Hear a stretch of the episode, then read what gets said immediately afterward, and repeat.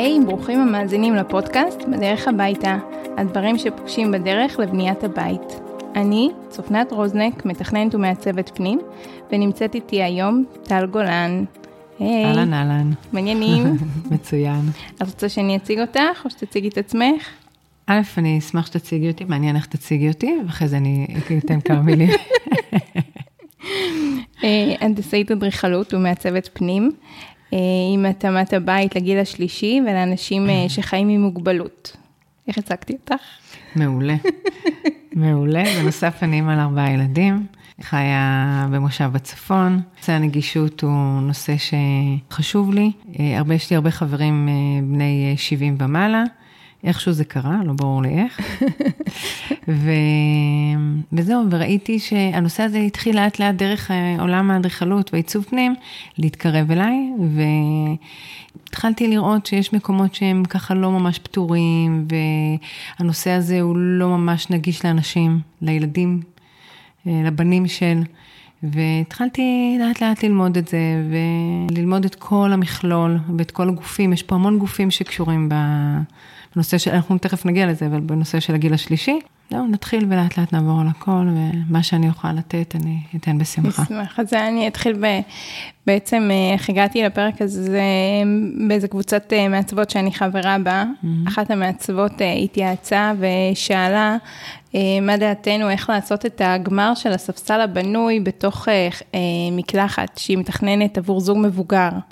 אם כדאי גרונג, או מה הסיומת, שיהיה להם נעים. ואני ככה ישר אה, נדרקו לי מכל נורות האזהרה. אה, לא מזמן, לפני בערך שנה, שתכננתי עבור אה, אישה מבוגרת בגיל השלישי, חדר, בית, שיפוץ, ובין היתר גם חדר רחצה, אז בזמנו התייעצתי איתך ונתת לי ככה מלא טיפים. כי גם, גם אותה הלקוחה שלי, גם היא ישר ביקשה ספסל בנוי במקלחת, mm-hmm. ובעצם אחרי שהתייעצתי איתך הבנתי כמה זה טעות וכמה זה אה, לא נכון. אז באמת באותה קבוצת אה, מעצבות הרבה הציעו לאלף, בית, גימל, אני לקחתי אותה כמה צעדים אחורה, אמרתי לה, שנייה תבדקי את התחום, לא כדאי. אבל זה בעצם כאילו היה לי איזה נורת אזהרה, שזה נושא שגם הלקוחות לא יודעים, ויותר מזה, גם המעצבות לא, אה, והמתכננים, ו- ויש פה איזשהו פער של, של נושא שהוא חשוב, שכדאי להנגיש אותו וככה לתת ערך, ו... כמו שעזרת לי, אני בטוחה שתעזרי להרבה מאזינים היום. בהחלט, בהחלט.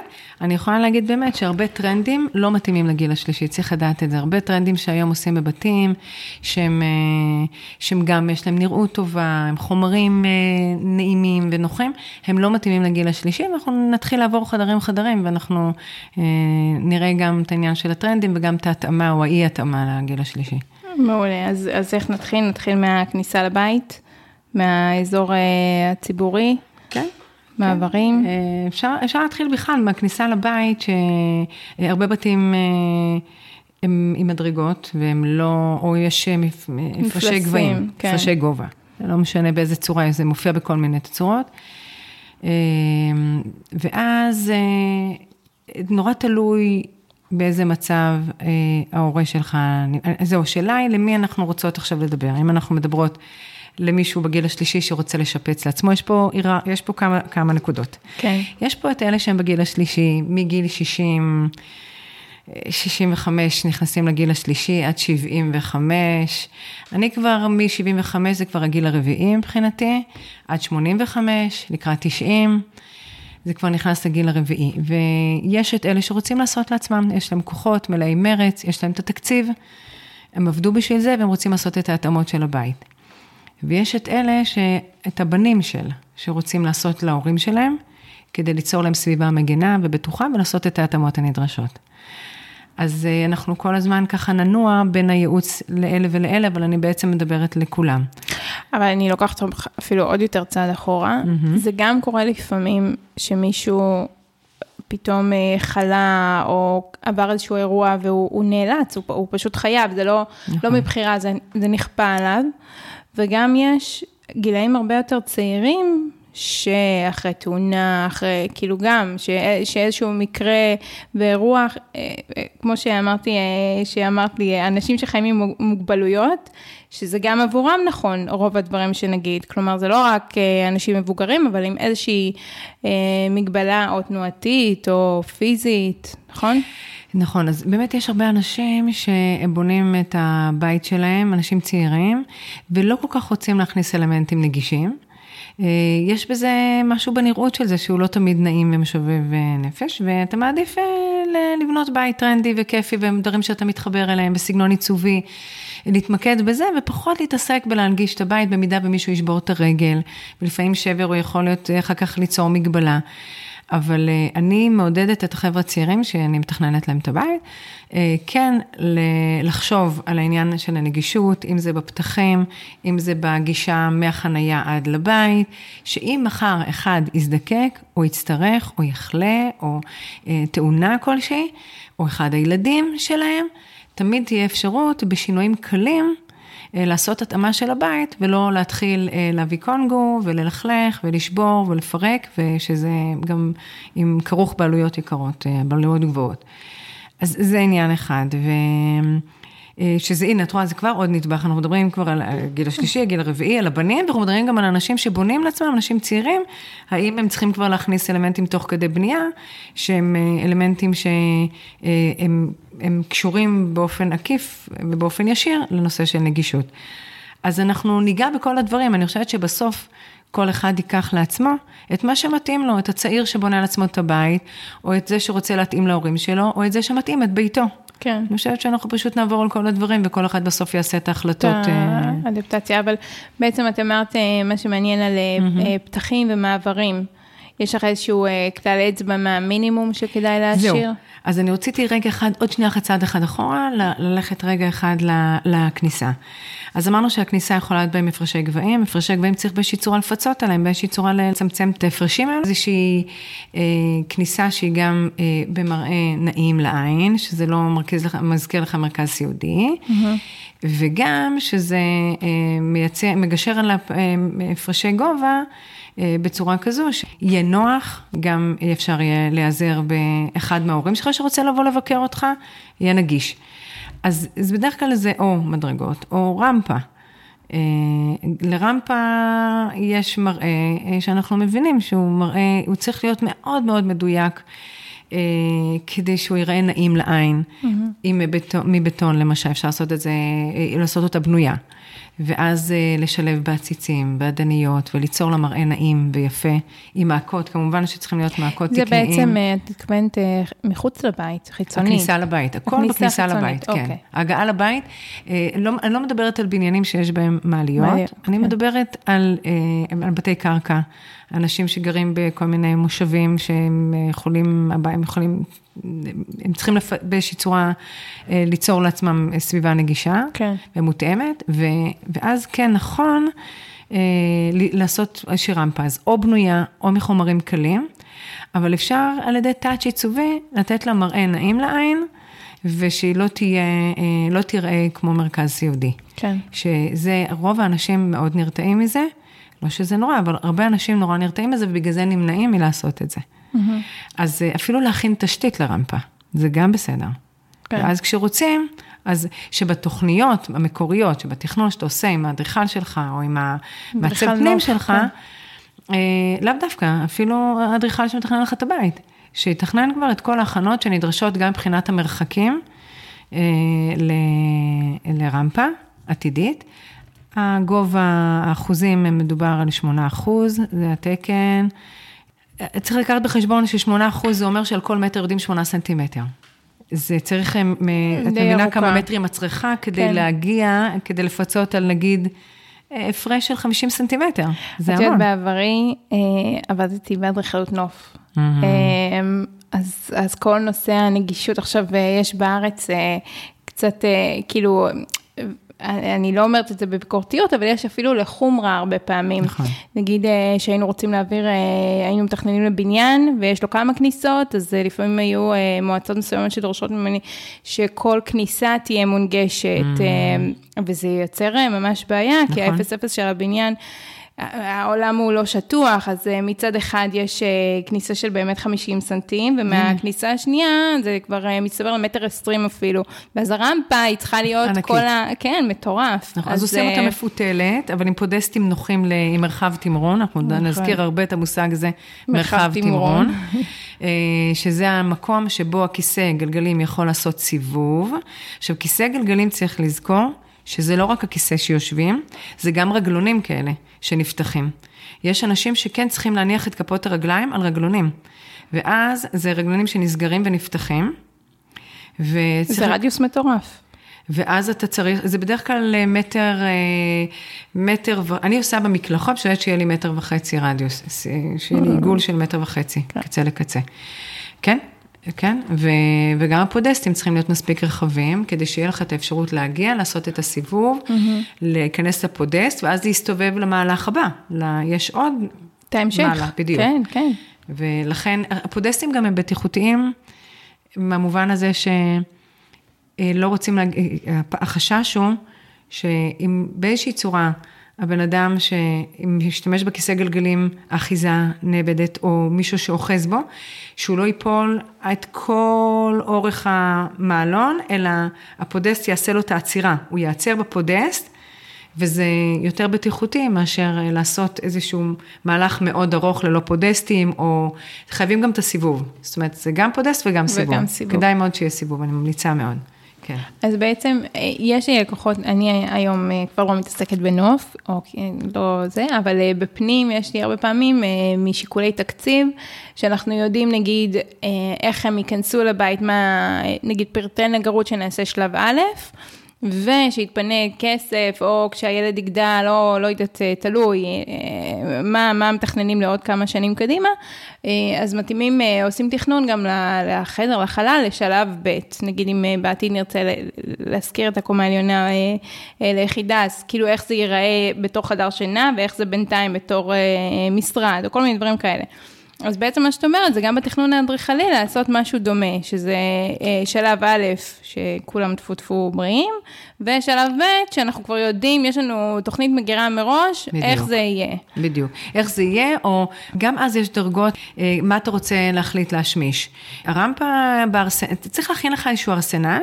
של אה, בשינויים קלים ליצור נגישות, כן. אבל אתה לא חייב להשתמש בכל הארסנל, אתה יכול להחליט שאתה רק מנגיש את החדר רחצה, אבל אין לך צורך ברמפה. כי אתה לא צריך, כי זה משהו, המפלס הוא כזה שאתה מצליח איכשהו להרים את הכיסא גלגלים ולהסתדר עם זה. כן.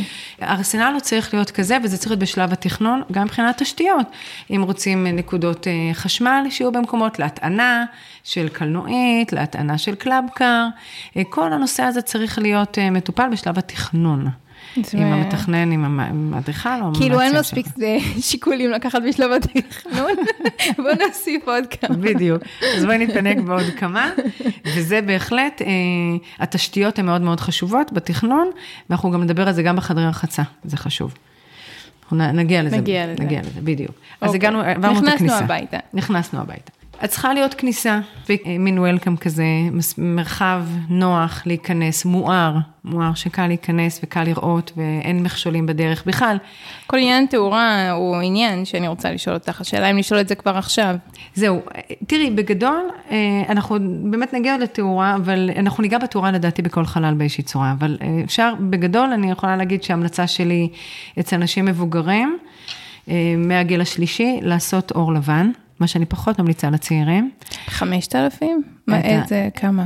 את ה-6,000. מה את אומרת? אני כמעט ולא משתמשת בו. נכון, ב- את האור הלבן הבוהק, כן. בעיק- אני אגיד לך מכמה סיבות. קודם כל, פשוט יותר קל להם לראות. רגע, שנייה, אני פותחת סוגריים למאזינים. אה, מה ששאלתי, ה-5,000 ואמרת לי 6,000, זה בעצם... אה, 3,000, 4,000, 6,000, כדאי שתסביר נכון. רגע את המושג הזה. זהו, זה, יש אה, לאור אה, מנעד של אה, גוונים, אה, ויש אה, מעלות. אה, וכמה שיותר נמוך, בעצם השלושת אלפים זה האור הצהוב הנפוץ היום.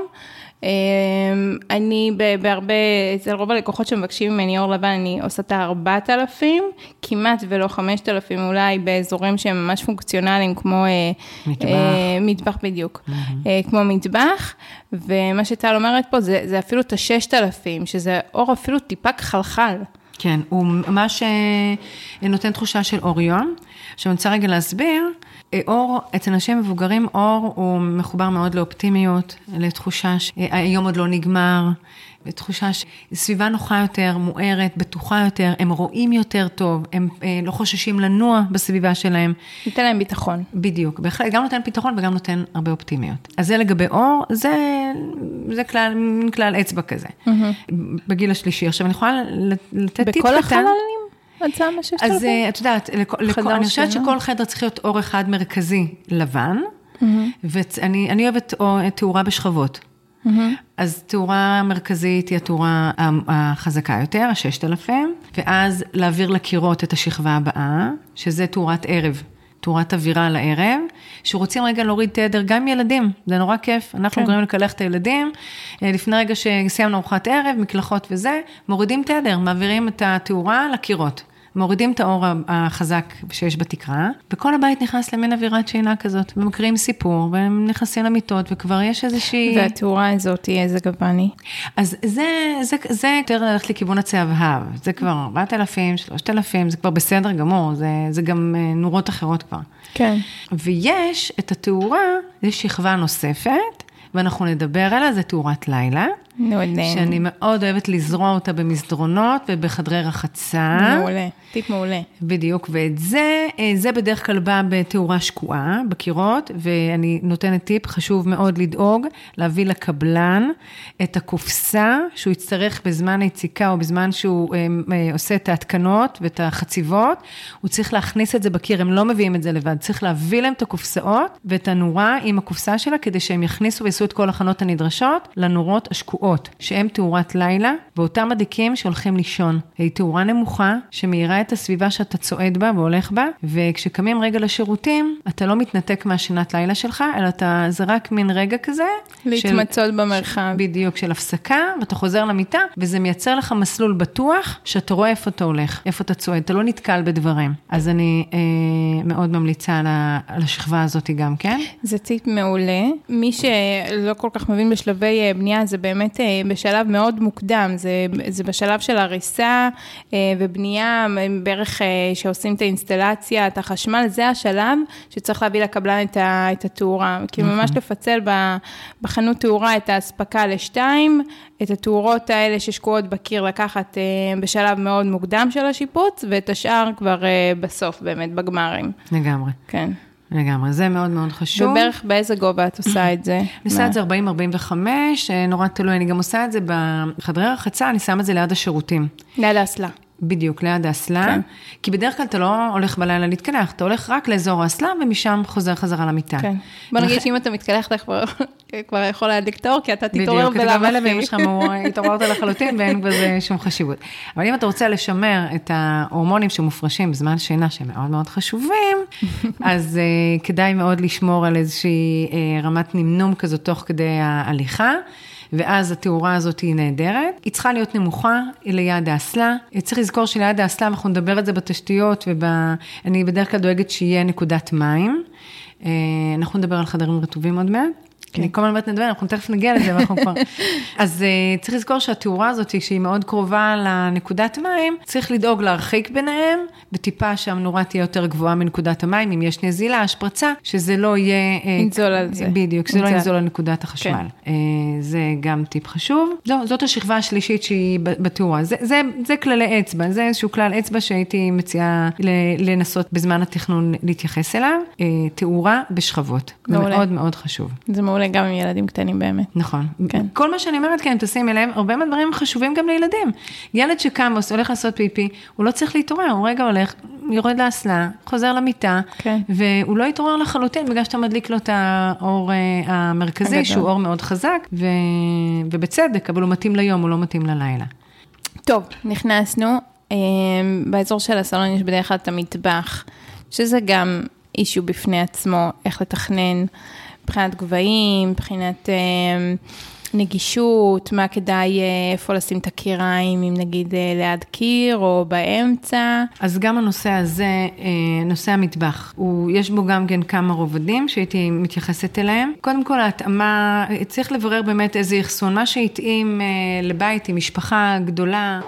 אנשים מבוגרים שכבר זוג או יחיד שנשאר בבית, אה, פחות יש צורך בכמות סירים, כמות כלים, ואז אפשר לדלל את זה ולהקטין את כמות האחסון שנדרשת במטבח. זה מאוד מצמצם את המטבח. לא צריך כן. לעשות מטבח מאוד גדול, אלא אפשר לעשות מטבח יותר קטן. אה, ואז לעשות התאמות של מגירות, נוחות, מה יותר נוח, האם נוח יותר דלת, האם נוח יותר מגירה, אנחנו ממליצים יותר על מגירות, כן. מגירות פנימיות בתוך המגירות, יש גם את זה. אני מאוד ממליצה, אה, מלבד האחסון, להתייחס לנושא הקיריים וקולט אה, עדים, mm-hmm. קולט עדים חזק וטוב, שיקלוט את הריחות בבית. אפשר, היום הרבה צעירים משתמשים במטבחי חוץ, מבוגרים פחות נוהגים לעשות את זה, משתדלים את רוב הדברים לעשות, הם עושים את רוב הדברים בתוך הבית, ולכן הסביבה צריכה להיות כזו שאין ריחות ושומנים בקירות, ו... וריח בערב שנשאר מכל מיני טיגון שהתפקשש, או אה, גבהים, נדבר על גבהים רגע. אה, נדרשת התאמה של גבהים, לכל אחד יש את הגובה, אה, יש אנשים מאוד נמוכים ופחות מתאים להם ה-90 סנטימטר, אפשר לרדת. 90 סנטימטר זה המלצה גורפת, לרוב ה... ממוצע. ממוצע, כן. כן. אבל יש אנשים גם מאוד גבוהים, יש זוגות מעורבים שהיא מאוד נמוכה והוא מאוד גבוה. צריך להתייחס לזה שצריכה בעתיד להיכנס מטפלת, לא להנמיך מדי, יכולה לבוא מטפלת במטבח, יהיה מאוד לא נוח לה, מטבח, מטפלת עתידית לזוג אה, שנמצאים בגיל השלישי, צריך להתייחס לזה. כל תכנון צריך להתחשב בזה שמחר נכנסת מטפלת, באחד השלבים. וכשתיכנס, מי שרוצה אה, כמובן להישאר בביתו, בזמן שהוא מתבגר ולא מעוניין לצאת מהבית לדיור מוגן או בית אבות.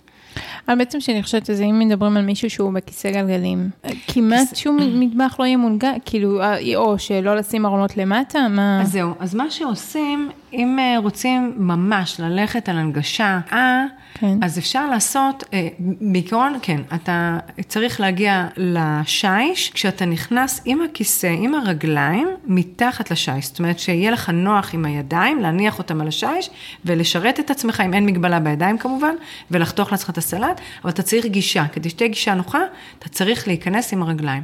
אז זה גם משטח שהוא נמוך יותר, וגם שהוא, אף פעם לא ראיתי מטבח כזה, אני מודה. אז כן, אז, אה... אז גם את זה נורא חשוב. בכלל, אני רוצה לתת עוד כלל אצבע אחד, לצרף לכאן. אה, אני בתכנון שלי, כשאני, אה, מגיעים אליי אה, משפחות לתכנן בית מונגש, אני דבר ראשון מבקשת להתחבר למרפאה בעיסוק. כל אדם שחי עם איזושהי מגבלה, או נפצע אחרי תאונה, בדרך כלל יש לו, יש היום, יש לך זכות לבקש מהיחידה להמשך טיפול בכל קופות החולים, שתגיע לך הביתה, מגיע או פיזיותרפיסט או מרפא בעיסוק, והוא אה, נותן את כל ה... הוא מכיר את סוג המגבלה שלך, לכל סוג מגבלה נדרשות התאמות אחרות. כן. וצריך להיזהר לא להכליל, אין הכללה. אני mm-hmm. נורא נזהרת מזה, אני לא כן. עושה הכללה. זה טיפ מאוד מאוד חשוב. אין הכללה, אין מה מתאים לכולם. לכל מגבלה יש את ההתאמות שלה. ואז באה בעלת מקצוע ועושה לי את ההתאמות, אנחנו עוברות חדר-חדר, גבהים, אופי מאחזי היד, לכל מאחז יד יש תפקיד אחר, הוא צריך להיות בגובה שונה, לפעמים יש בעיה של מוטוריקה, של אחיזה, אז אולי נשען עם המרפקים, תבינו כמה ניואנסים יש פה, ולכן כדאי מאוד שאיש מקצוע יצטרף ויבוא וייתן את ההנחיות, ורק אז, אני ממש מכינה לו סקיצות, אני שולחת לו לפני את הסקיצות של, ה, של החדרי רחצה, מטבח, כל מקום שאנחנו רוצים שיעזור לנו בהתאמות, הוא מגיע כבר מוכן, והוא רואה את, ה, את הסביבת מגורים, אה, ביחד עם אה, הדייר, עם האדם שצריך את ההתאמות. עושים את כל הניסיונות, ממש את מסלול ההליכה, האם אתה מחזיק את הידיים בכיסא גלגלים או שמטפלת מביאה אותך לחדר החצה, אה, כל התנועה של האדם שחי עם מגבלה, ואז עושים את ההתאמות, היא מכינה לי רשימה. עוברת חדר-חדר, מכינה לי רשימות מסודרות. ואת זה אני מכינה בתוכניות עבודה שלי, שזה הולך לקבלן, וזה, עם זה הקבלן עובד אחר כך, בשטח. אז מה שאני רוצה להגיד זה שבתחילת הפרק שאמרנו איזה, כאילו למי זה מתאים, או למי אנחנו, על מי אנחנו מדברות, אז, אה, אז הבאנו כל מיני קהלים, אבל מה שאנחנו אומרות עכשיו זה, זה מישהו שכבר יש לו מגבלה, ואנחנו עושות תכנון להתאים למגבלה ספציפית. אם אנחנו, אין לנו עדיין, או חשיבה, ראייה לעתיד או זה, אז, אז, אז זה לא, רוב מה שאמרנו, כאילו עכשיו ב, ב, עם מרפאה ועיסוק וזה, זה לא משהו שהוא רלוונטי, זה רק אחרי שיש מגבלה ואנחנו רוצים להתאים, אז עוברים את התהליך הזה. נכון, הגענו לזה בעקבות השאלה שלך על, על הגבהים, על במטבח, גובה המטבח. כן, כן. כשאנחנו מבינים שמטבח צריך לעבור התאמה לאדם כן. שכבר חי עם מגבלה כלשהי, ואז באמת כדאי שייכנס איש מקצוע, שזה או פיזיותרפיסט או מרפא בעיסוק. לזוג צעיר שבונה ורוצה להגיש את הבית, רוצה שהבית יהיה מותאם, אז דווקא במטבח פחות הייתי עושה אה, בשלב הזה, הייתי עושה את הדברים, אה, את ההמלצות כאילו מה שנכון להם. אה, הכלליות של זה, 90 כן. סנטימטר גובה שיש, ואחסון אה, איך שנוח להם מבחינת הגישה, כן. לכלים, סירים, התאמות, ואחר כך, אם אה, חס וחלילה צריך, אז זה כבר... אז אז יעשו את ההתאמות. עושים את ההתאמות. עכשיו, כשדיברתי איתך לפני זה, ודיברנו על אה, עניין המטבח, את אמרת לי משהו שהוא, שהוא אני זוכרת אותו, כן. אז זה, זה ממש חשוב לדעתי, זה לחשוב מי ישתמש במטבח. כלומר, אפילו אם יש אדם שהוא מוגבל אה, פיזית, האם הוא באמת הולך לבשל במטבח? אולי לא צריך להנגיש אותו, אולי תהיה אה, מטפלת, או, או לחשוב על הבת זוג, או, או בן זוג, סליחה על המגדריות פה, אבל אה, בעצם, כאילו זה, זה לא בהכרח צריך להנגיש ל, למי שחולה או למי שמוגבל את כל, ה, את כל הבית, אבל נכון תמיד לחשוב מי יעשה שימוש באותו חלל ולהתאים את זה לו, נכון? זה אז משהו כל, שאמרת לי. זה נכון.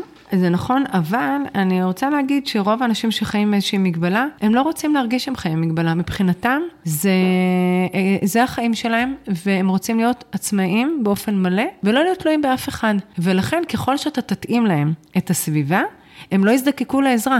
כי הכי קל להגיד, "יא, יש פה מטפלת, יש פה בן זוג. לא, הוא רוצה להכין לעצמו את הסלט בערב. כן, אבל יש כאלה שגם בלי מגבלה לא יכינו לעצמם סלט בערב, אלא... אז זה סיפור אחר, אין לזה אז- סוף אז- אז- בעצם. אז- נכון, בדיוק. אז כמו שאמרנו קודם, להתאים לסיטואציה, למשפחה, ל... צריך לראות מה, באמת, אנחנו לא דיברנו על זה כאן, אבל אני מניחה שדיברת על זה בפודקאסטים אחרים שלך, על הנושא של אה, פרוגרמה.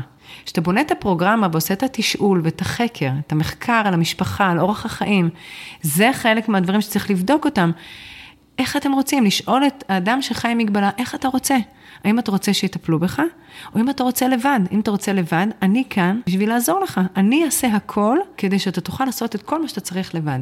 כן. זה, זה העניין. ואם הוא אומר, לא, אני לא רוצה, אני מבחינתי שיביאו מטפלת שתעשה לי, אז כל התכנון הוא משתנה כבר. מה שכן אני יכולה להגיד, וזה טיפ שככה אני כל הזמן רוצה להגיד אותו, וכל פעם אנחנו ככה אה, מתקדמות לכיוונים אחרים, זה שהם... אה, אם רוצים להנגיש מטבח, אבל גם רוצים שהוא יהיה, למשל עם מגירות וארונות, אז מה שעושים, מייצרים, מגר, אה, מייצרים אה, ארונות, יחידות, כל, הרי בסוף המטבח בנוי בתוך קופסאות קופסאות. קוביות, קוביות, כן. כל הקוביות האלה, הקוביות האלה הם פשוט על גלגלים, סמויים. Mm. ואז אתה מוציא את, המגר... את, ה... את המכלול המגירות הזה, את אותה קוביית מגירות הזאת. יחידה, כן. את היחידה, ואתה בעצם יכול להיכנס בכיסא גלגלים. סיימת, שלק, אתה נותן לה דחיפה והיא חוזרת חזרה למקומה. זה פתרון נהדר, זה טיפ נהדר, וזה אפשר להשתמש בזה, ואז אתה עושה לו שני אזורי עבודה כאלה. כל השאר הוא נייד, הוא נייח. הנייד זה רק שתי יחידות, בשתי, בשני... אה, באזורים שהם לעבודה, נגיד... שני משטחי אה, עבודה כן. שיש באחד לאזור המקרר ואחד באזור הקיריים, אותם אתה, בהם אתה עושה שתי מנגיש. יחידות אה, ניידות, כן. מעולה. ואז אתה מנגיש אותם והופך אותם ל... לא מורגש, זה לא נראה נגיש, כי זה נראה, לא, נראה פחות נעים לעין, שאתה משאיר חור במטבח. נכון. זה מיד, נכון, ישר אמרתי לך, אף פעם לא ראיתי מטבח כזה. אוקיי, אז כן. זאת הדרך, לשים את זה על גלגלים, ואתה פשוט מושך את היחידה, אתה עובד בה, ומחזיר אותה חזרה. מעולה. אז מטבח לדעתי, לא? זהו, רציתי עוד משהו קטן להגיד על תאורה. אה, פעם היה איזה מין גישה כזאת, לשים את התאורה, אה, כשהיא רק 90 סנטימטר מאזור השיש, כדי לא להסתיר אותה. היום התאורה היא תאורה שמציפה את החלל. כבר אין הסתרה, אתה לא מסתיר, אתה לא עושה צל בשיש. כמעט, ואני, אם- אתה עושה תאורה, אם אתה שם לד טוב, אתה שם אה, תאורה טובה ומציפה, ואתה בוחר גופי תאורה טובים ואיכותיים, אה, ומותאמים לחלל, לגודל החלל, זה מאוד חשוב, להתייעץ עם איש תאורה, אז אין שום סיבה שתצטרך לעשות את הריבוע הזה שמלווה את השיש, כמו שעושים פעם, כדי לא להסתיר. אם דקורטיבית בעינייך זה אה, יותר יפה, אז סבבה, זה כמעצבת או כמתכננת או כלקוחה. אבל אה, סיפור ההסתרה כבר, כבר צריך, אה, צריך להפסיק. אה, להתעסק אבל בו. צריך עדיין לקחת אותו בחשבון, אני כן אה, מתייחסת אליו. איפה הנקודת, אה, גם בחדרי רחצה, מול מראה, אה, עם מתאפרים וכאלה, כאילו איפה נקודת המאור מול איפה אני אעמוד. אבל זה סיפור אחר בין להתאפר, בגלל זה עוד לא הגענו כן. לחדר רחצה, לבין לחתוך נכון, סלט. נכון, נכון, אבל אה, כאילו אני, אני כן מתחשבת באיפה אני עומדת ומה אני צריכה לעשות ואיפה הנקודת מאור שלי בחלל. אבל זה כבר כאילו, לא אני- עניין דתי יותר. פעם זה היה נורא, זה היה אישיו. היה זה אישיו, התעסק כן. ב- וזה כבר לא אישיו.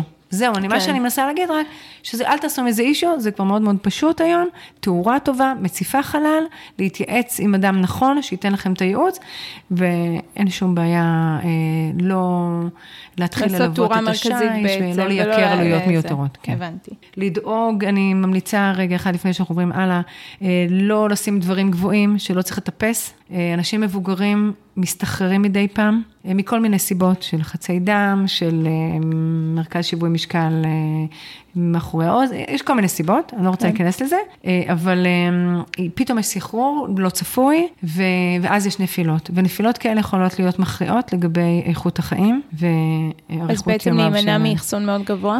אה, מדפים אה, קלים, אה, מדפי קפה, סוכר, מלח וכאלה, זה סבבה, בוטשרים, כיפים כאלה מעל השיש, נוחים ליד התמי 4, להימנע מאחסון גבוה, מה שמתאים כאן לאנשים צעירים, ארונות עליונים, פחות מתאימים למבוגרים, וזה פיתוי מיותר. זה פיתוי מיותר כי רוב האנשים מרגישים מסוגלים, הם מביאים את עד השרפרף, שזה קורה.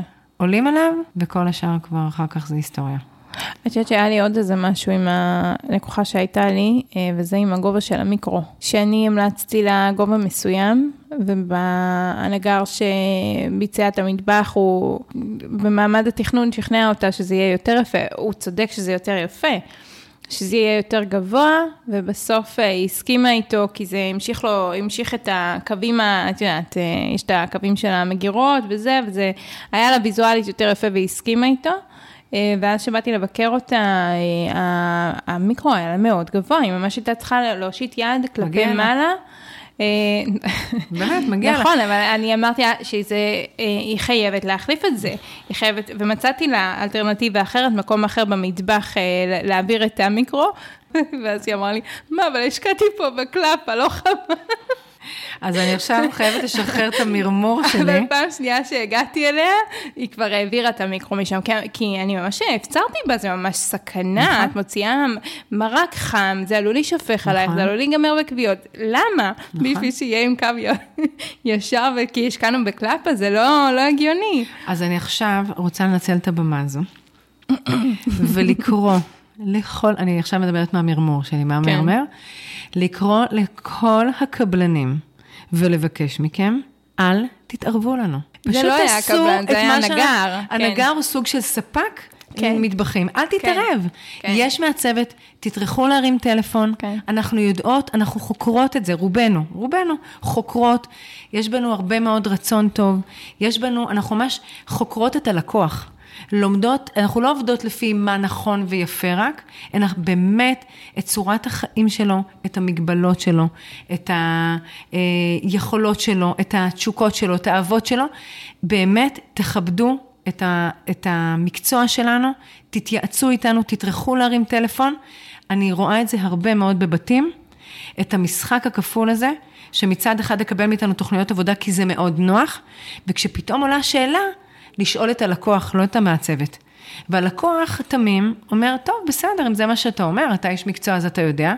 לרוב בעל המקצוע ממליץ את מה שנוח לו, או יפה בעיניו, ולא את מה שנכון ללקוח. נכון. ובעצם...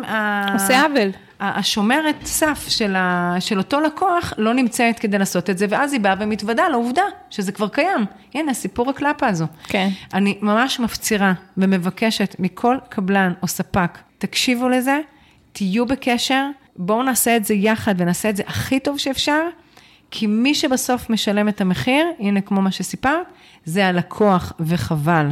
חבל. אותי זה מאוד מרגיז, מאוד מאוד כן, מכעיס. אני, אני, יותר מזה, אני אספר לך ש, שהיא סיפרה לי שהיא אירחה חברים וזה וזה, והם ראו שהמיקרו כל כך גבוה, אז אמרו לה, בטח המעצבת שלך גבוהה. עכשיו, המאזינים לא ראו אותי אולי, אבל אני מטר חמישים וקצת, ממש לא זה אצבע גבוהה. לעין, מה שנקרא. אמרתי, לא, אבל בתוכניות שהבאתי לך זה היה מותאם לגבהים שלנו, כי וואו. בערך בגובה שלי אולי טיפה יותר נמוכה. אז אה, כן, זה, זה הייתה נקודה כואבת. אז, אה, אז אוקיי, אז אני רק חוזרת חזרה ל- לטיפ שלי, לא לשים ארונות גבוהים, הם פיתיון, הם סוג של פיתוי אה, לעלות למעלה בשביל להוריד איזה כלי, כי אני יכול, אני מסוגל. אנשים אה, שמתקדמים בגיל, אה, הם מתקדמים בגיל, הם פחות הם, עושים התאמות בהבנה שלהם. ומוותרים על כל מיני פעולות שהם עשו פעם, כי זה חלק מהתחושה שהם עצמאים וחזקים ויכולים. ואז מה שקורה, הם מטפסים, הם עולים, והם רגע מסתחררים ונופלים, ואחר כך אה, אה, יש, נדרשות התאמות חדשות לבית, וחבל, שלא מפתה אותם לעשות פעולות שהם לא מסוגלים. מעולה. יצאנו מהמטבח, אכלנו, שבענו, בישלנו, אפשר לעבור לחדר הרחצה?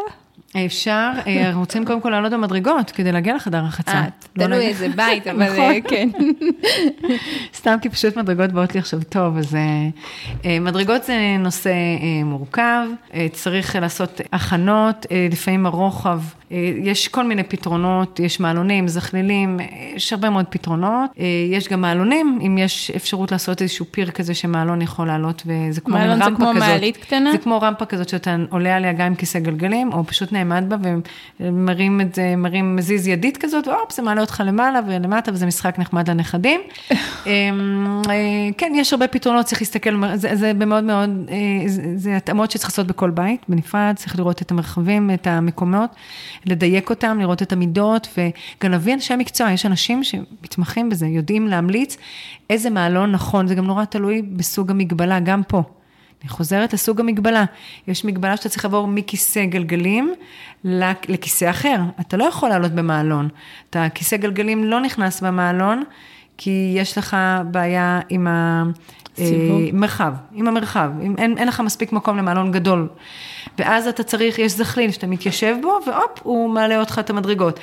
צריך להתייחס. אה, שעשית כזה תנועה של חצי עיגול? אתה, הוא עושה כן, אותך עם הפודסט, הוא כן. מתחבר למעקה בקיר, והוא עולה עליו. הוא נצמד לקיר והוא עולה עליו. הבנתי. אבל שוב, זה עולם ומלואו, וכדאי להתייעץ עם אנשי מקצוע. כן. אה, ויש אנשים שזה מה שהם עושים, אה, מעלונים. אבל אז... אם עכשיו אני מתכננת אה, בית אה, מאפס, את תייעצי לי על איזשהו רוחב של גרם מדרגות, שאולי... כאילו, אה, זה, לא, אין אני לא רוצה לתת המלצה גורפת, כי זה לא יהיה מקצועי. זה לא יהיה מקצועי. כי שוב, כל מעלון הוא מותאם ל...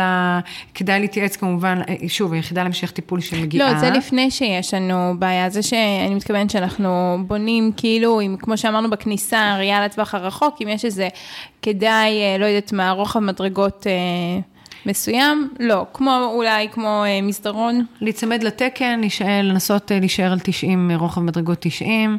אני חושבת שתקן הוא לדעתי המינימום הוא 80. אני חושבת ש-90 זה כבר היום, כל הפתחים עברו ל-90, המפתח של המדרגות צריך להיות 90. כמובן שאם יש כל מיני אילוצים תכנוניים, אז עושים, מצרים את זה לכיוון ה-85, 80, אבל לא לרדת מזה כמובן. כן. לא לרדת בשום צורה. אמ, זהו, וגם כאן להתייעץ, לא לעשות אה, מהלכים אה, שהם יהיו יקרים, אבל כן הייתי כן. מכינה אה, הכנה של נקודת חשמל. כי הדברים האלה צורכים חשמל. Mm. Mm-hmm. איפה היית ממקמת אותה? בנקודה למטה, בהתחלה של המדרגות, בחלק העליון של המדרגות, ואז בהתאם למה שירכיבו, ישתמשו בנקודת החשמל הזו. שזה בעצם שקע רגיל כזה. כן, לא צריך שקע כוח. גובה נמוך? הייתי עושה את זה בגובה 40 סנטימטר, לא יותר. אבל זה באמת לשרת מערכות אה, בשלבים עתידיות. מתקדמים. כן, עתידיות. מעולה, טיפ מצוין.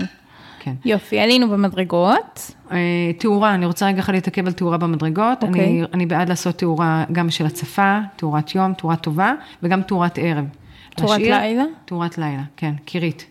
כמו שאמרנו קודם, אה, גובה 40 סנטים נמוך. אז יש, שוב, יש אה, את המעצבים והאדריכלים להשאיר את החופש הזה, שרוצים שזה יהיה עליון, שזה יהיה בגובה מטר שמונים. אה, יעלה עם המדרגות, ביחס למדרגות. Mm-hmm. ואני אישית אוהבת שזה נמוך, וזה מלווה, זה גם כמו מין תאורת מדרגות כזה, נראה כמו נרות בלילה כאלה. כן. אז זה מקסים. אה, כן לעשות אה, בגובה 40-45 סנטימטר, זה מאיר את המהלכים, וקל מאוד לראות איפה אתה דורך, את נקודת המדרגה, התחלה, איפה אתה הגעת לפודסט. אז בהחלט להאיר את המדרגות בשתי שכבות של תאורה. ממליצה מאוד. מאחזי יד, צריך להגיד איזה משהו? על מאחזי יד? אה, מאחזי יד, גם זה, זה נושא שכדאי אה, לראות, אה, שוב, אם רק צד אחד יש קיר שמלווה את המדרגות, או שני הצדדים, מדרגות הן במרכז החלל ואין להם קירות שמלווים אותם, mm-hmm. או האם יש צד אחד עם מעקה יד וצד אחד עם מאחז יד, בדרך כלל מספיק מעקה. לזוג צעיר מספיק מעקה, אם יש צד אחד פתוח, מעקה תקני. אה, אני חושבת שלנשים מבוגרים צריך שגם יהיה, נכון יהיה לעשות להם מאחז יד בצד הקירי. טוב, זהו, עכשיו באמת עלינו למעלה, ואפשר להיכנס לחדר הרחצה? חדר הרחצה. יאללה. אה, חדר הרחצה. חדר אחד המורכבים בבית לדעתי, לכל... אה, גם שהוא מונגש וגם שהוא לא מונגש. נכון. אני חושבת שבכלל כדאי שגם זוגות צעירים שבונים את ביתם הראשון, אז להשתמש בריצוף R10, R11, תמיד טוב R11, אבל אני אגיד לכם מה הדיון. רגע, למה... שנייה, ה-Rים האלה זה רמת החספוס של הריצוף אה, בחדרי רחצה וגם מרפסות, או כל ריצוף חוץ, צריך כל אזור שהוא רטוב. כן, נכון. למניעת החלקה? למניעת, בדיוק. אה, אני ממליצה אה, או R10 או R11, אתם תבואו, תגידו, כשאתם עושים את הבחירת חומרי גמר, אה, תבקשו ריצוף מותאם. אני רק רוצה להגיד, מה, למה תמיד יש איזה מין, איזה דיסוננס אנחנו כל פעם נעים בו. בין ה-R11 ל-R10. ככל שזה יותר מחוספס, יותר קשה לנקות את זה, האבנית מצטברת, וזה לאורך זמן אה, מאוד מפריע בעין, זה נראה לא טוב, נותן תחושה שזה לא נקי. אם, אם הריצוף הוא גם כהה, הוא בזלתי כהה, אז בכלל זה נהיה סיוט של החיים. לעומת R10 שמאפשר יותר את הניקיון והיגיינה, שוב, זה נורא עניין של איזה סוג אריח זה, מה רמת החספוס, תיגעו בידיים, תחושו את זה, תרגישו את זה, תיזהרו לא להגזים, אבל גם לא, לא להקל ראש בזה. זאת, זה הטיפ שלי לגבי ריצופים. אה, נושא של חיפויים. על הקירות. אה, חיפויי קיר, אה, לשמור על היגיינת החלל וניקיון, ויש איזה מין רצון תמיד לעשות את החיפוי עד לתקרה. אה, אני אישית אוהבת לתת לקירות לנשום. אני אוהבת מאוד להשתמש בטיח, אה, אני מאוד אוהבת את הטיח המינרלי, יש היום אה, לנרלט, ערבה, אה, קיצור צריך להתייעץ, כן. יש חברות שאפשר להתייעץ איתן. כל יש... חברה כזאת אפשר לצלצל ולהתייעץ עם... או, יש, או, או להגיע לשם, להגיע למרכזים שלהם, יש גם לטמבור, גם כן. לנרלט, יש מרכזים שאתה מגיע אליהם ומתייעץ איתם ורואה את הטקסטורות. נכון. יש טקסטורות עדינות, יש טקסטורות גסות יותר. פחות ממליצה לגסות, כי זה צובר אבק ולכלוך. ויותר קשה לנקות את זה. נכון. טיח, יש שם טיחים נושמים יותר. שלכן הקירות אה, אה, פחות סובלים מעובש ויש... אה... אבל אני רק אגיד שזה איזושהי אג'נדה פרטית שלך, אבל זה לא משהו שהוא חלק מההתאמה. זה נכון, משהו שהוא... אני, נכון, אבל אני כן ממליצה להתייחס לנושא של חללים מאובררים עד כמה ש... שקירות נושמים, חללים כן. מאובררים, אני מאוד ממליצה. פתחים. על, אז... אה, גם, תכף אני אדבר איתכם על החלון של המקלחת, כן. אה, של החדר החצה, אני רוצה רגע לדבר על, על ונטה, אני מאוד ממליצה על ונטות, ונטות מאווררות. לא טוב לחיות, אני אגיד את זה ככה, לא טוב לחיות בסביבה. אה, לחה. עם עובש, כן. אה, עם תחב. זו סביבה שהיא מזוהמת ולא טובה ולא כן. נכונה. ולאנשים מבוגרים, הם לא צריכים סביבות אה, מזוהמות. לכן ממליצה מאוד על סביבה מאובררת. חלון גדול אבל מאפשר פרטיות. מאוד ממליצה, אני ממש לאחרונה עברתי לזה לגמרי, לתריסי רפפה. אם תרצי, אני אתן לך תמונות. אני לא יכולה לשאת את, את הקיפ. אתה נתלה עליו בכל משקל גופך. ולעיתים הוא פשוט תולש לך את האצבע והוא לא נפתח. לא ממליצה לאנשים מבוגרים להשתמש בקיפ, לא נכון. אז עוד דריי קיפ, הדריי קיפ, אני רק אעשה סדר, זה פתיחה גם עליונה וגם פתיחת כנף. לא בכל חלל זה מתאים, כי אפשר להיפגע, אפשר לקבל מכה מהכנף. לא בכל חלל רחצה זה מתאים, אפשר להתנגש בזה עם הראש כשקמים מהאסלה, אני לא אוהבת את זה, פחות אוהבת. לעומת זאת, הרפפה, אתה קל מאוד, לא צריך מוטוריקה עדנה מורכבת, אתה יכול להניח את האצבע ולמשוך בעדינות את הוו הזה, ולפתוח את התריס רפפה. אפשר לעשות את זה מאוד עם, אה, עם אה, זכוכית אה, סבתא, זכוכית מצוירת, אפשר לקחת זכוכית רגילה ולשים עליה טפט מצויר, אין סוף לאפשרויות, אבל קל מאוד לתפעל את זה, זה מאוד נוח, זה מאוברר, פשוט אתה פותח את זה כשאתה יוצא, והחלל רחצה מאוברר באופן מלא. הוא נהנה מאוורור מלא של החלון. כן, כל פתח החלון בעצם הוא הפתח של האוורור. לחלוטין. להבדיל מהקיפ, שהוא די מוגבל, מה פותחת- 80 אחוז אה, סגור סגור. אפילו, כן. לגמרי, ולא מאוברר ולא נוח. כן. והדבר היחיד שאני כן חייבת להגיד, זה שזה לא אטום באופן מלא. זהו, זה מה שישר חשבתי. אז מה? אז מה, אתה הולך לישון עם חדר רחצה עם דלת סגורה. בכלל, אם אנחנו מדברים קצת על אנרגיות ועל uh, פנקשוי, אז כל אחד שעוסק בפנקשוי יגיד לך שחדרי רחצה, איפה שיש אסלה, לא משאירים את הדלתות פתוחות. מבחינה אנרגטית, הדלת צריכה להיות סגורה. את מתכננת לפי הפנקשווי? אה, אני לא, אבל אני, אני מתכננת לפי אינטואיציה, ואני מתכננת לפי הרגש, ומאוד ממליצה לעבוד לפי הרגש. ואני חייבת רגע להגיד על מישהי שעכשיו עשיתי קורס שלה, כן. שאני מאוד ממליצה לעקוב אחריה, אה, אורלי רובינזון, שהיא אושייה של... היא אה, כותבת לי. מה? תכתבי לך. בטח. היא אושייה של עיצוב, היא חוקרת עיצוב, חוקרת תכנון, חוקרת בתים. יש לה המון ספרים שהיא הוציאה, היא אישה מדהימה, היא גם אישיות מדהימה. היא אדם שאוהב אנשים. לא כולנו אוהבים אנשים, היא אוהבת אנשים, היא אוהבת להקשיב לאנשים. היא אוהבת לראות גינות, היא אוהבת לראות בתים. היא נכנסת לבתים, היא עושה עכשיו סיורי בתים, כדאי לך להצטרף. אישה מדהימה, והיא מדברת המון על עיצוב ותכנון מהרגש. מה מתאים לי, מה מתאים לרגע. לא בטוח שזה טרנדי, לא בטוח שזה יהיה מגניב בעיני אחרים, אבל זה מהרגש, אני אוהבת את זה. אני אוהבת ריס רפפה בחדרי הרחצה. אני מדברת מהרגש ומהלב ומהאינטואיציה שלי, וזה כל כך נכון. אז נכון, זה לא אטום מאוד. אז מה? אז מה? חדר. במילא סגור. להפך, רצוי שגם בחורף החדר הזה יהיה מאוברר מעט. כן. אז מה? לכן, לכו על זה, טיפ מעולה, אם תרצי תמונה אני אצרף לך.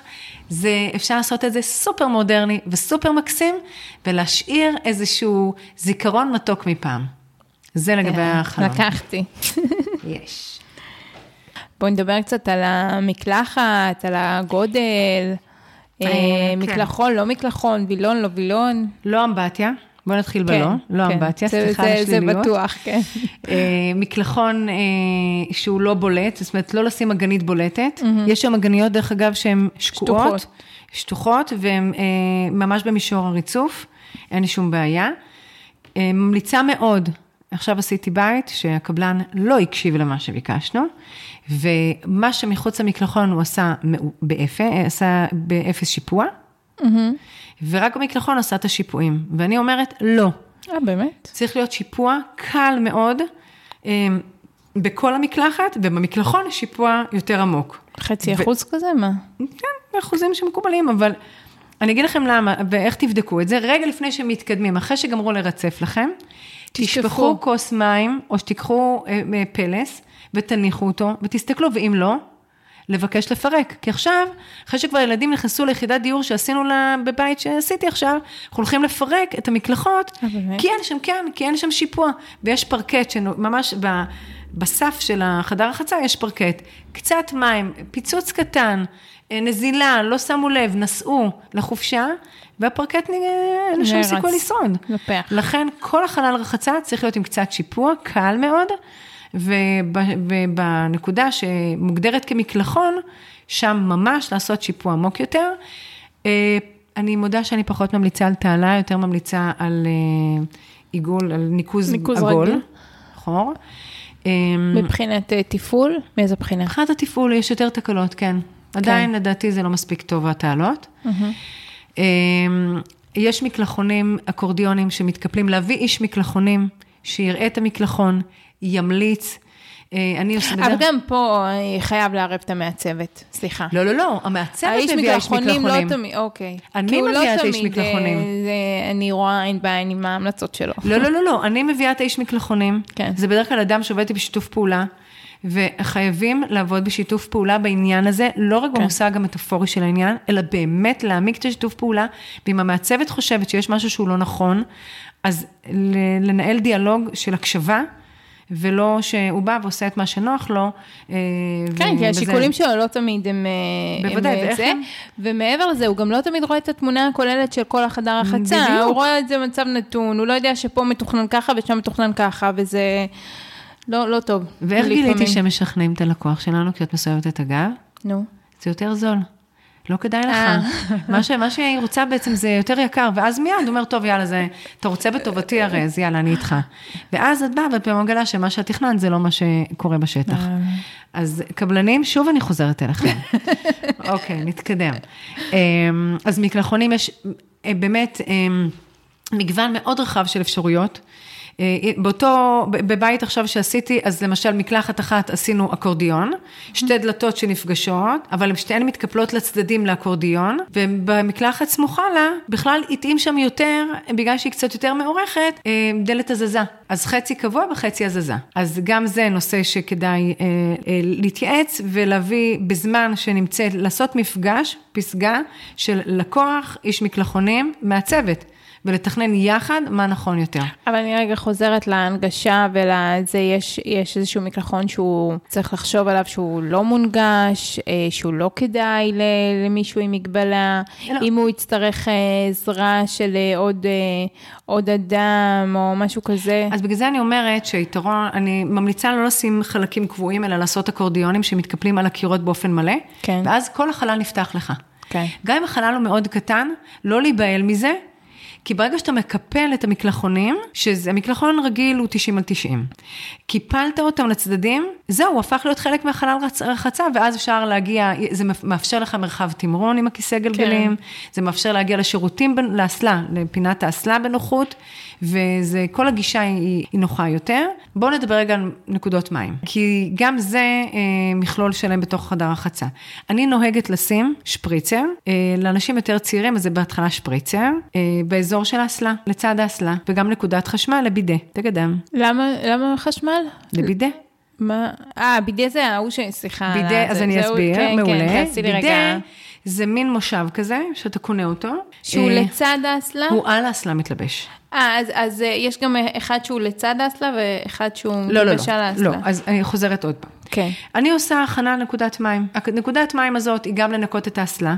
זה השפריצר הזה שאמרת. זה השפריצר הזה, אתה מחבר כן. אליו אחר כך צינור, אתה קונה את זה בכל טמבוריה, ושוטף, אה, מי שרוצה לעשות שטיפה אינטימית עם זה, ומי שרוצה יכול לשטוף עם זה את השירותים, את האסלה, ולנקות מאחורי האסלה וכאלה.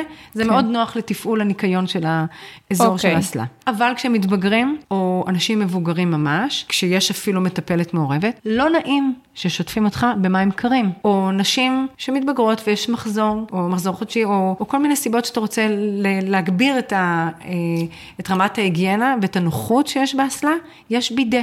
זה מין מתקן כזה שמתיישב על האסלה, הוא מגביה את האסלה, צריך לקחת בחשבון.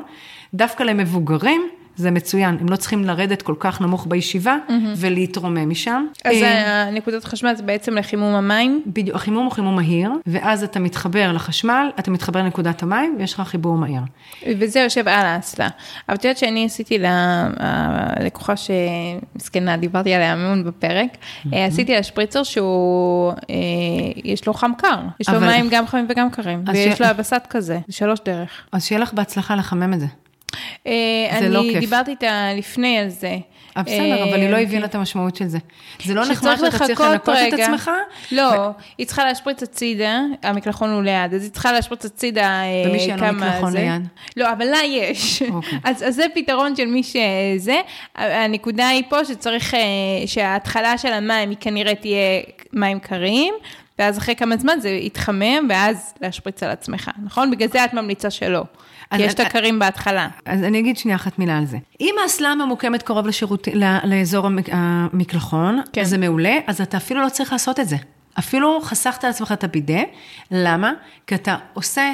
שרשרת ארוכה או צינור ארוך לטלפון, אם זה ארבע כן, דרך. כן, אבל זה ממש, לא, זה כבר לא כזה קרוב. ואז אתה לוקח, שולף את זה, כן. מחתיך, מחמם את המים ועושה לך שטיפה, אבל לא זה בטוחה, תפעול לא נוח. לא, זה, זה, כבר, זה כבר משהו אחר, זה כבר כאילו לקום ולעשות את המקלחון, כי זה גם בגבהים פחות מותאם, הטלפון אה, במקלחת וזה, פה זה, זה ממש מותאם לה, היא רק מושיטה את היד ו, ולוקחת את השפריצר הזה, כן? היא לא, היא לא צריכה לקום ו, ולעשות איזה פרוצדורה. אז אני חושבת שנכון בידי. בידה. בידה מחמם מהר את המים, הוא בדיוק ממוקם בנקודות השטיפה, והוא נוח מאוד, הוא אינטימי, והוא לא מחייב אותך אה, להתעסק מסביב בכל כך הרבה אובייקטים, mm-hmm. והשפרצות מים, וזה לא נעים, ובחורף, פשוט אתה מפעיל את זה, אתה לומד לתפעל את זה, וזה מאוד נוח, ומאוד מתאים לאנשים מבוגרים, ו, אה, וזה גם עוזר אחר כך למטפלת שצריכה לעשות שטיפות אינטימיות.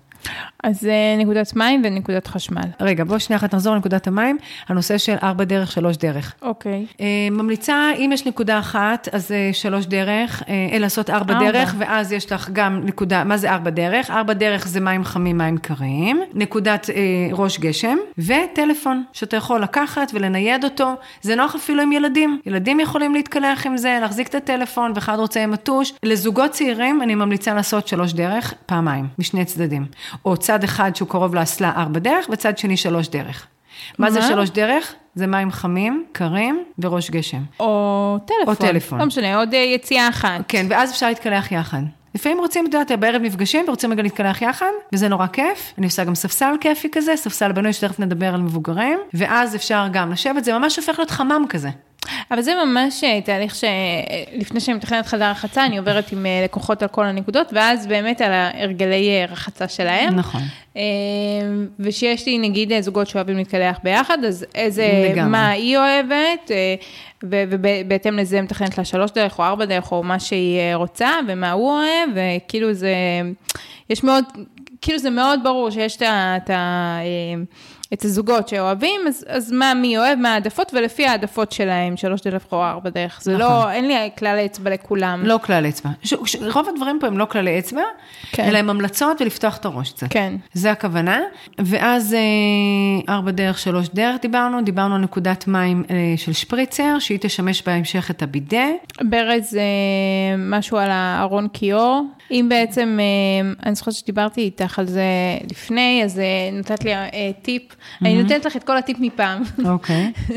אז אה, אמרת שכרגע כולם בתפקוד והכל בסדר, אבל אפשר לעשות את הארון כיור באופן נגרות כזה שהכיור יהיה, כאילו, יהיה עצמאי. אה, תלוי על הקיר, והנגרות היא עכשיו אה, באופן מסוים, ושיש לה אופציה ב' שאפשר גם לשלוף אותה, ואז בעצם הכיסא גלגלים נכנס מתחת לכיור. זאת אומרת, אפשר לעשות כזה של, אה, כמו שאמרת במטבח על גלגלים, אז גם אפשר לעשות פה את הארון כיור איכשהו, שהוא אה, דינמי, לא? אז בואו נעשה סדר. לזוגות צעירים שרוצים אה, כן להכניס אלמנטים של אה, נגישות, לא הייתי מתעסקת בזה, כי זה לא פריט מאוד יקר. הם, הם, היום ארון, ארון אה, כיור למקלחת, לחדר רחצה, הוא לא דבר מאוד יקר, אם עושים אם קונים, את יודעת, קונים קיט מוכן. כן. ובגיל מתקדם, כשעדיין עוד אין צורך בנגישות, אבל רוצים להכין את האופציה, בעצם נגישות, עוד פעם, אנחנו חוזרים לאותו סיפור שהיה במטבח, צריך להיכנס עם הכיסא, גלגלים, מתחת, תחת העבודה, שקל להגיע למברשות שיניים וקל להשתמש בברז, ולכן, דרך אגב, גם הברז עצמו, אה, יש פרח רגיל, ויש פרח עם ידית ארוכה ומותאמת לנגישה, שאנשים עם קושי מוטוריקה עדינה, יכולים גב כף היד לתת מין מכה עדינה כזאת ולהרים, לפתוח את המים בברז, ולא אה, צריכים להתמודד עם סיבוב של אה, ברז חם קר, או הרמה של, אה, או אה, תפיסה של האצבעות, שזה המוטוריקה העדינה, כי הרבה אנשים מבוגרים מתקשים עם מוטוריקה זה עדינה. בעצם אה, תפיסת פינצטה, נכון? בדיוק, תפיסת הפינצטה היא, היא פחות נוחה לאנשים מבוגרים, ואז מה שעושים, קונים ברז שמותאם, אם יש את זה היום גם לחמת, יש את זה לכל כל חברות הברזים. יש לזה הזרוע, שהתפוח הזה שאיתו אתה פותח וסוגר את המים, הוא בעל זרוע ארוכה יותר ושטוחה, שקל מאוד לתפעל אותה לאנשים אה, שמתקשים עם מוטוריקה עדינה.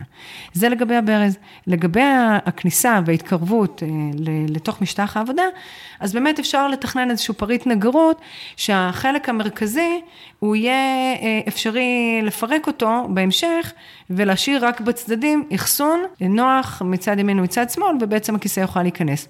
שוב, נכנס פה אלמנט של מחזה יד, יש אנשים שזקוקים גם למחזה יד ליד הכיור, ולכן לא הייתי מתכננת את זה כל כך רחוק, אה, אם זה לא נדרש, ואם זה נדרש, אז אולי- להתייאש עם אנשי מקצוע.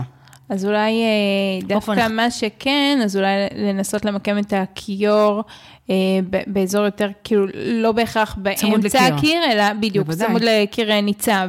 אבל את זה כדאי לעשות שוב עם היחידה להמשך טיפול. הבנתי. שהיא נכנסת עוד פעם, זה, זה מוקד שהיא מתעסקת בו הרבה, היחידה להמשך טיפול, חדר הרחצה. מטבח וחדר שינה.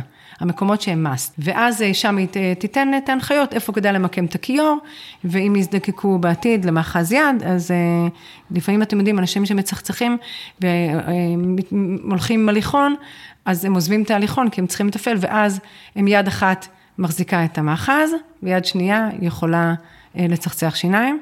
אה, או את התותבות, ואז אפילו. יכול להיות, אה, כאילו, ההנחיה היא להצמיד את זה מצד אה, ימין לקיר או מצד שמאל, לפי היד נורא תלוי הדומיננטית. בנוחות. כן, בדיוק, זה, זה ממש לתפור חליפה ל... ממש. כן. ממש, ואנחנו מזה כבר לדעתי אפשר לגלוש לכיוון המאחזי יד. אה, מאחזים יכולים להיות מתאימים לכל מקום, מתאימים גם לחדר הרחצה, הם מתאימים גם לחדר השינה, ומתאימים גם לפעמים במטבח. גם את ההתאמות האלה כדאי להתייעץ עם איש מקצוע, עם היחידה להמשך טיפול או מרפא בעיסוק. אני חושבת שכדאי מאוד, ואז הם ינחו גם מבחינת הגובה, גם מבחינת הזווית של זה, אם בדיוק, זה יש 90 המון מעלות. או... יש גם או- רוחבים שונים, יש 30, יש 45, יש 60. יש L, יש עולה ויורד, יש מגוון מאוד גדול, גם צריך באזור אסלה, גם צריך באזור הכיור וגם צריך באזור המקלחת. במקלחת, האם הוא צריך להישען, האם מספיק לאח- לאחוז, יש הרבה מאוד אלמנטים שצריך לקחת בהם, אה, להתייחס אליהם. הייתי מציעה לא לקחת על זה אחריות. ולהתייעץ עם בעלי מקצוע. עכשיו, למשל, הייתה אליי איזה פנייה, לא תאמינו, אחד הגריאטרים הנחשבים פה בארץ, הוא פנה אליי לגבי אימא שלו. אני אמרתי לו, אני לא מתחילה עבודה לפני שהיחידה להמשך טיפול נכנסת לפה. למרות שהוא רופא גריאטר ומכיר את כל המכלול הזה, עשינו החלטה שלא מתחילים, תארו לכם, לא מתחילים ולא מתקדמים ולא מתחילים בתכנון.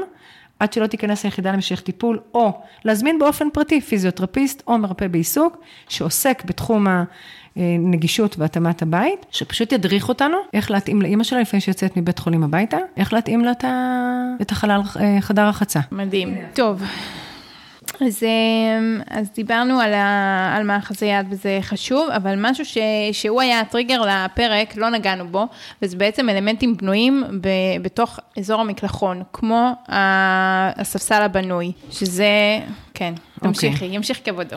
צריך לקחת בחשבון שבחדר הרחצה אה, זה, זה סביבה שיש בה, אה, מתחוללות בה הרבה מאוד תאונות. ונפילות והחלקות, הם- ואנשים שהם בגיל השלישי, או אנשים שחיים מגבלה, מתקשים יותר ב- בתגובה, התגובה היא יותר איטית, ולכן הם אה, עלולים בנפילה, הנפילה היא הרבה יותר אה, מסוכנת, כן. הנפילה צריך לדעת שהיא יותר קטלנית. בגלל קושי בבלימה, קושי, אין, אין את הזריזות, אה, היכולת מיד לשלוף את היד והאינסטינקטים יותר אה, איטיים. ולכן נפילה על ספסל שיש טרנדי היא קטלנית. לא נעים לי להגיד, אבל אני אפילו ממליצה על כיסא כתר. לא, הכי בנאלי. שיש. אוקיי. במידת הצורך, זאת אומרת, מה שנגיד אני עשיתי עם אה, אותה לקוחה, זה עשינו אה, מקלחון שהוא גדול ורחב, שכרגע היא משתמשת בו בלי שום אה, זה, אבל אופציונלית היא תוכל להוסיף, היא תוכל לשים שם כיסא כתר, היא תוכל לשים שם, יש כל מיני ספסלים שהם ניידים, שהם מאוד יפים, אבל לא אלמנט שהוא בנוי וקבוע, מבחינת הקשיחות שלו, מבחינת הנוכחות שלו באזור הזה. אוקיי, אז אם, אם המקלע, אם ה... בוא, נס, בוא נגיד כזה דבר, אם החדר החצה הוא מאוד גדול, אז אפשר לעשות איזשהו ספסל, שאתה לוקח את המגבת והולך לשבת עליו ומתנגב בו בנוחות, אחרי שגמרת להתקלח. ל- לתחום בדיוק, של הוא רחוק המקלחון. יותר, בדיוק, כן. מהמקלחון. במקלחון, כמובן שאני לא מדברת על נשים כבדי משקל, כי זה כבר לא בטיחותי כיסא כתר, אבל כן הייתי שמה כיסא פלסטיק שהוא אה, היגייני יותר, לא, לא מרופד, לא סופג רטיבויות, mm-hmm. קל לייבש אותו, אה, קל לנייד אותו. אה, נוח, לי, יש כאלה עם משענות יד, ויש כאלה בלי משענות יד, ויש כאלה שהם כמו טבורט כזה, שהוא רק עיגול עם ארבע רגליים, מושב כזה. יש, כל אחד יתאים לעצמו את מה ש... זה נייד, קל להעיף, קל להחזיר. כמה זה פשוט, לא לשים ספסלים בנויים במקלחות נגישות. לא מומלץ. טוב, בעצם דיברנו על החומרי גמר, על ה-R10 אמרת ו-R11, אבל בסוף בכל הבית, נגיד ריצוף מבריק, זה מה שאני ממש התעקשתי עליו, ש... שלא יקום ולא יהיה, כי ריצוף שהוא אה, מבריק, שהוא חלק, הוא, ששוטפים רצפה, הוא הרבה יותר מחליק גם. זה לא הסכמתי בשום אופן, התעקשתי איתה על... אה, אני חושבת שבסוף עשינו לפטו או משהו כזה, אבל... נכון, לפטו מצוין. כן. גם המבריקים וגם, את יודעת, יש שם את הטרצו שהוא מאוד טרנדי, חוזר, ו... ואז עושים לו מין פוליש גלוס כזה. כן. הם, הם מאוד מסוכנים, בהחלט, הם מאוד מסוכנים ולא מתאימים. לא מתאים, אפשר אפילו עם נעל בית להחליק, בלי להתכוון, תוך כדי הליכה אפשר להחליק במסדרון. כן. אני רוצה לדבר על מעברים. יאללה.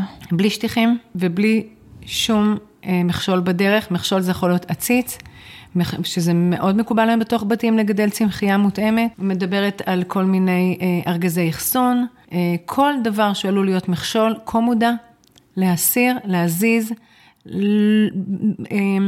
להתייחס לבית, לתוכנית של הבית, זה אני מדברת למתכננים, וגם לאנשים שמתכננים לעצמם, ושימו לב שהבית בנוי בצורה של צירים. ציר כניסה, ציר מעבר בחלל הציבורי, ציר מעבר לאזור החדרים ואזור אגף הלילה. בתוך אגף הלילה שיהיו צירים בתוך החדר שינה, לאזור ההתלבשות, הבגדים, הארון בגדים, לאזור המיטה, כניסה למיטה, התיישבות על המיטה, הכל צריך להיות עם צירים פתוחים, ממש לעבור. אני עוברת עם אנשים, מזמינים אותי לבית שלהם, ואנחנו ממש מסתכלים ומוודאים שיש צירים פתוחים ונוחים למעבר, גם בלילה. ומקומות שאני חושדת שלא, אבל זה קיר אה, שאנחנו בבעיה אה, לפרק אותו, אז אני משתדלת לצבוע אותו בצבע שהוא יהיה בוהק ויפריע לך בעין, שהוא לא ייטמע, או באיזה צבע חרדל, או ירוק בהיר, משהו שמכניס קצת חיים לבית, הוא אלמנט עיצובי, אבל הוא בוהק והוא מפריע בעין, אתה רואה אותו. הוא לא משהו שנטמע... שתיתקל בו. בדיוק. שאתה תראה, מה... לא, אתה תראה אותו ואתה תדע להיזהר ממנו. כן. זה צבעי אזהרה. אה, זה לגבי הנושא של מעברים. במאחזי יד, כאילו לא סיימנו, אבל אני חושבת שגם בחדרי שינה, ואני חושבת שמפה אנחנו צוללים לחדר שינה, כן הייתי נכנס, מכניסה מאחזי יד גם לאזור החדר שינה למי שזקוק. הכנות אה, למיטה סיעודית, הכנות לחשמל, הכנות, לא חייבים לשים דרך אגב מיטה סיעודית ממש מההתחלה. מבחינת גודל, מה המיטות של אה, מיטה סיעודית? זה נורא תלוי, צריך להסתכל, צריך להיכנס ליד שרה. אני מאוד ממליצה להשתמש ביד שרה, זה גוף שעוזר מאוד מאוד במזרונים מתאימים, במיטות מתאימות, במחזי יד, בכל האובייקטים. שכלים על אדם שעבר תאונה, אנשים שרוצים שהבית יהיה מותאם להם, זה פשוט נפלא.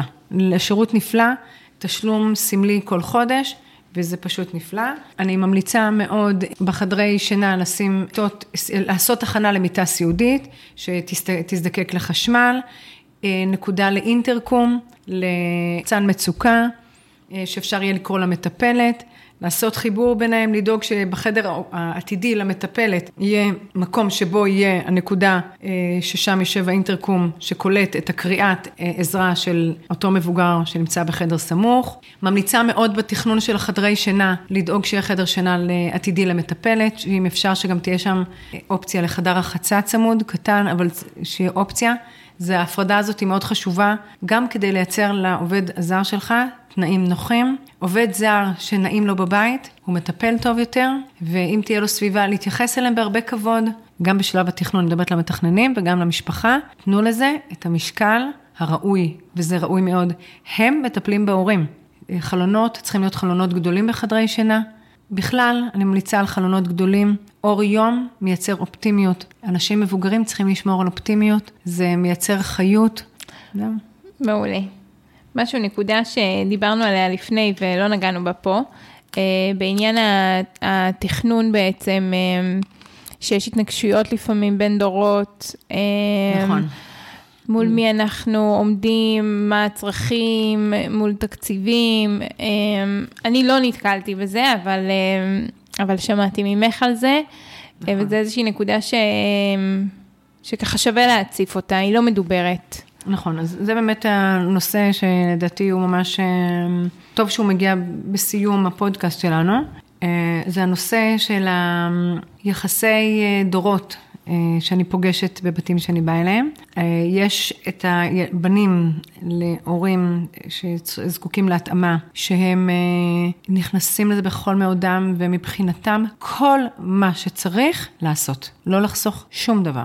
ויש את אלה שאני רואה שההורים רוצים לעשות לעצמם, מחליטים בגיל 70 כשהם עוד חזקים ובריאים, לעשות לעצמם התאמה של הבית, ולהוציא הרבה מאוד דברים מיותרים, ולפנות את הבית, די, ילדים יצאו, גדלו, חדר אירוח, חדר מטפלת, חדר לעצמם, מטבח מותאם, חדרי רחצה, כל מה שדיברנו עד עכשיו, ובאה התנגדות אה, גורפת מהילדים, או שמתחילים בין הילדים מתחים, כי שניים חושבים שזה דבר הכי לגיטימי לתת להורים כל הגב לעשות את זה, ויש שניים שמתנגדים, כי הם מבזבזים את כספי הירושה. עכשיו, זה לא נאמר באופן מפורש, אבל למה אתם צריכים? למה אתם מוצאים על זה כסף? עכשיו, מראש אני אומרת לכם, שרוב האנשים בני 70, לא יצא לפגוש הרבה שהם לא, ניגשים מאוד בחשש ובפחד לתהליך כזה של שיפוץ, עם הרבה מאוד פחדים. אני יכולה להגיד שגם אנשים בני 50 מאוד מפחדים להיכנס לזה. זה מאוד יקר, האם אני אעמוד בזה כלכלית, האם לא, לא יעבדו עלינו, יש עניין של הרבה שחוששים מקבלנים שעובדים עליהם, ואז אה, מיד אותם מתנגדים, הילדים המתנגדים, שולפים את כל, משתמשים בכל הפחדים. הפחדים האלה, מה אתם צריכים, יעבדו עליכם ויעשו לכם,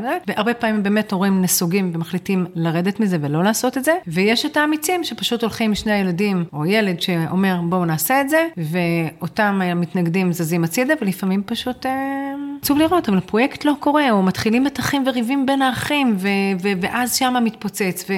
וצריך לזכור שהכספים האלה שייכים להורים, ההורים עבדו כל השנים על זה, ולתת להם באמת לעשות את ההתאמות ולחזק אותם, לתת להם את הביטחון ואת הגב, ולעזור להם ולהיות נוכחים בפגישות, איפה שאפשר.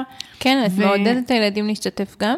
אני מעודדת, נורא תלוי במצב ההורים, אבל אלא אם כן יש מהצוות שהילדים סומכים עליה, זה, להיות מעורבים זה הנה גם לבחור מעצבת מתאימה, או מתכננת מתאימה, אדריכל מתאים, שידאג וילך יד ביד. זה לא תכנון רגיל, צריך לדעת. Mm-hmm. קריאות בשעות, הם לא תמיד עובדים בשעות שאנחנו רגילות, אז הרבה פעמים פתאום איזה בעלה בערב, משהו מלחיץ אותם ומתקשרים, או התיאום הוא לא תיאום רגיל, אה, אתה צריך הרבה פעמים לעשות את התיאום. הליווי הוא יותר אינטנסיבי, יותר צמוד, והוא פחות עובד לפי הספרים שאנחנו מכירים. כן. צריך לדעת את זה. וכן, אני ממליצה לילדים, כדי שהם יוכלו לאפשר להורים את העצמאות, לבחור מלווה, מעצב, מתכנן, שאפשר לסמוך עליו, שהוא ידאג להם ויילחם בעבורם, גם עבור על כל שקל מול הקבלנים, וגם ידאג שיבואו אנשים טובים לעשות להם את העבודה, ולא כל מיני מזדמנים וזולים כאלה. הבנתי. כאן אנחנו לקראת סיום. יש שאלה. שאני סוגרת כל פרק בפודקאסט, וזה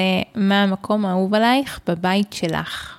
וואו, אני אוהבת את כל הבית שלה, זה קשה לי לבחור, אבל אני מאוד ממליצה, אני מאוד ממליצה, וזה מתחבר מעולה גם כאן, אה, לעשות ספרייה בבית. אנחנו קצת אה, איבדנו את זה, רוב הבתים כבר אין בהם ספריות, ולדאוג שיהיו בהם ספרים מעניינים, ותאורה טובה, תאורת קריאה טובה. אה, אם אנחנו כבר בנושא נגישות, אז גם שתהיה זכוכית מגדלת מוארת לכל אחד על המדף, ושאפשר יהיה לקרוא ספרים, ולזכור שהחיים יפים. נהדר. אני, יש לי כמה וכמה ספרים בשידה לידי, ש...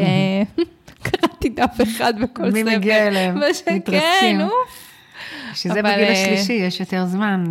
קניתי לאחרונה ספר, אני ממש רוצה אה, לקרוא, ואני מקווה ש... שהשנה אני אתפנה לזה. את מגדלת ילדים צעירים, נכון. וזה חלק מהעניין, והכל בסדר. נכון. איפה אפשר למצוא אותך? את בעצם בהתחלה אמרת שאת אה, ממושב בצפון, ממושב אני מולדת. אני גרה במושב מולדת, בצפון. רוב הלקוחות שלך מהאזור שלך, או שבכל הארץ? רוב הלקוחות הם באזור שלי, כי אני מאוד אוהבת להגיע הרבה, אבל אני מתחילה להתרחק, אני מוצאת את עצמי מתרחקת, אה, כי יש אליי פניות מעניינות ושווה לי לעשות את זה, אז אה, אני מתרחקת, ויש שם רכבים, ויש שם זומים, אני את רוב הפגישות עושה בזומים, וזה מאוד נוח, לא צריך לנסוע, לא אני ולא הם, הפקקים היום. אבל איך זה מסתדר עם הגיל השלישי? מבחינת פער טכנולוגיה ודברים כאלה. הרבה מהגיל השלישי יש להם מחשב בבית, יש להם אה, לפטופ, והם פותחים אותו, ואני פעם אחת עושה איתם תרגול, או אחד הבנים עושה איתם פעם פעם אה, תרגול, הם רואים שזה אפשרי, ואז הם לא צריכים לנסוע, הם לא צריכים לצאת, חורף, קיץ, מאוד נוח. מעולה. אני מעלה להם את התמונה, אני מראה להם, אני עובדת עם האייפד, ועם אה, זוגות צעירים, מבוגרים, עם כולם, אני עובדת דרך הזום, אני כבר כמעט ולא נוסעת לפגישות. מצוין. והמאזינים יכולים למצוא אותך באיזשהו מקום? יש לי באינסטגרם שלי טל, באנגלית טל, T-A-L, נקודה D-S, גם, לי, גם לייעוץ, אני יכולה לבוא לייעוץ חד פעמי, אפשר לעשות איזשהו ייעוץ מתמשך, או אפשר לעשות איזשהו ייעוץ עם תוכניות עבודה, ואחר כך שמישהו ייקח וימשיך את העבודה בשטח, אם זה רחוק. קיצור, להתקשר, אני לרשותכם גם לשאול שאלה, אני זמיני, זמינה לשאלות, מה שאני יכולה לעזור, אני בשמחה עוזרת ומכוונת, אני רואה בזה שליחות. את הטלפון שלי אני 050-7390-517, ואפשר להתקשר אליי ולשאול ולהתייעץ בשמחה רבה. תודה שהייתם איתנו והאזנתם לעוד פרק של בדרך הביתה. אם אהבתם את הפרק ואתם מכירים אנשים לפני או בזמן או בחלום של לבנות ולשפץ או להנגיש את הבית והפרק יכול לעזור להם, אתם מוזמנים לשתף. אני מזמינה אתכם ללחוץ על subscribe באפליקציה שאתם מאזינים בשביל לקבל עדכון על הפרקים החדשים שעולים. אה, אתם יכולים למצוא אותי בפייסבוק, באינסטגרם, אה, יש לי אתר. אתם מוזמנים אה, לקהילה שלי בפייס, אה, קוראים לה משפצים בלי פיצוצים, ואתם יכולים לשאול שם שאלות, לשתף במחשבות אה, בנושא של הפרק הזה ובכלל, וניפגש בפרק הבא. תודה טל. בכיף, באהבה.